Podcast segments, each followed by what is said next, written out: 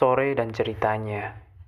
Jika besok, lusa, dan sebulan lagi doaku belum terjawab, mungkin aku akan tetap melanjutkan doaku di hari-hari berikutnya.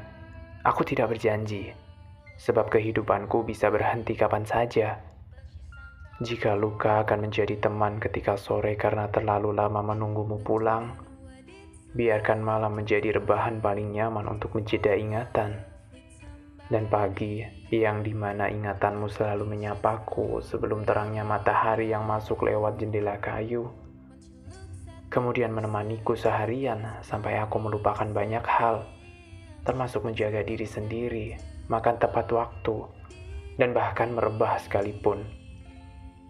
Kamu adalah cerita yang pernah kuusahakan, yang kemudian meninggalkan sekantong harapan yang katanya pulang malah menghilang dan membiarkanku terluka tanpa pernah lagi kau sapa.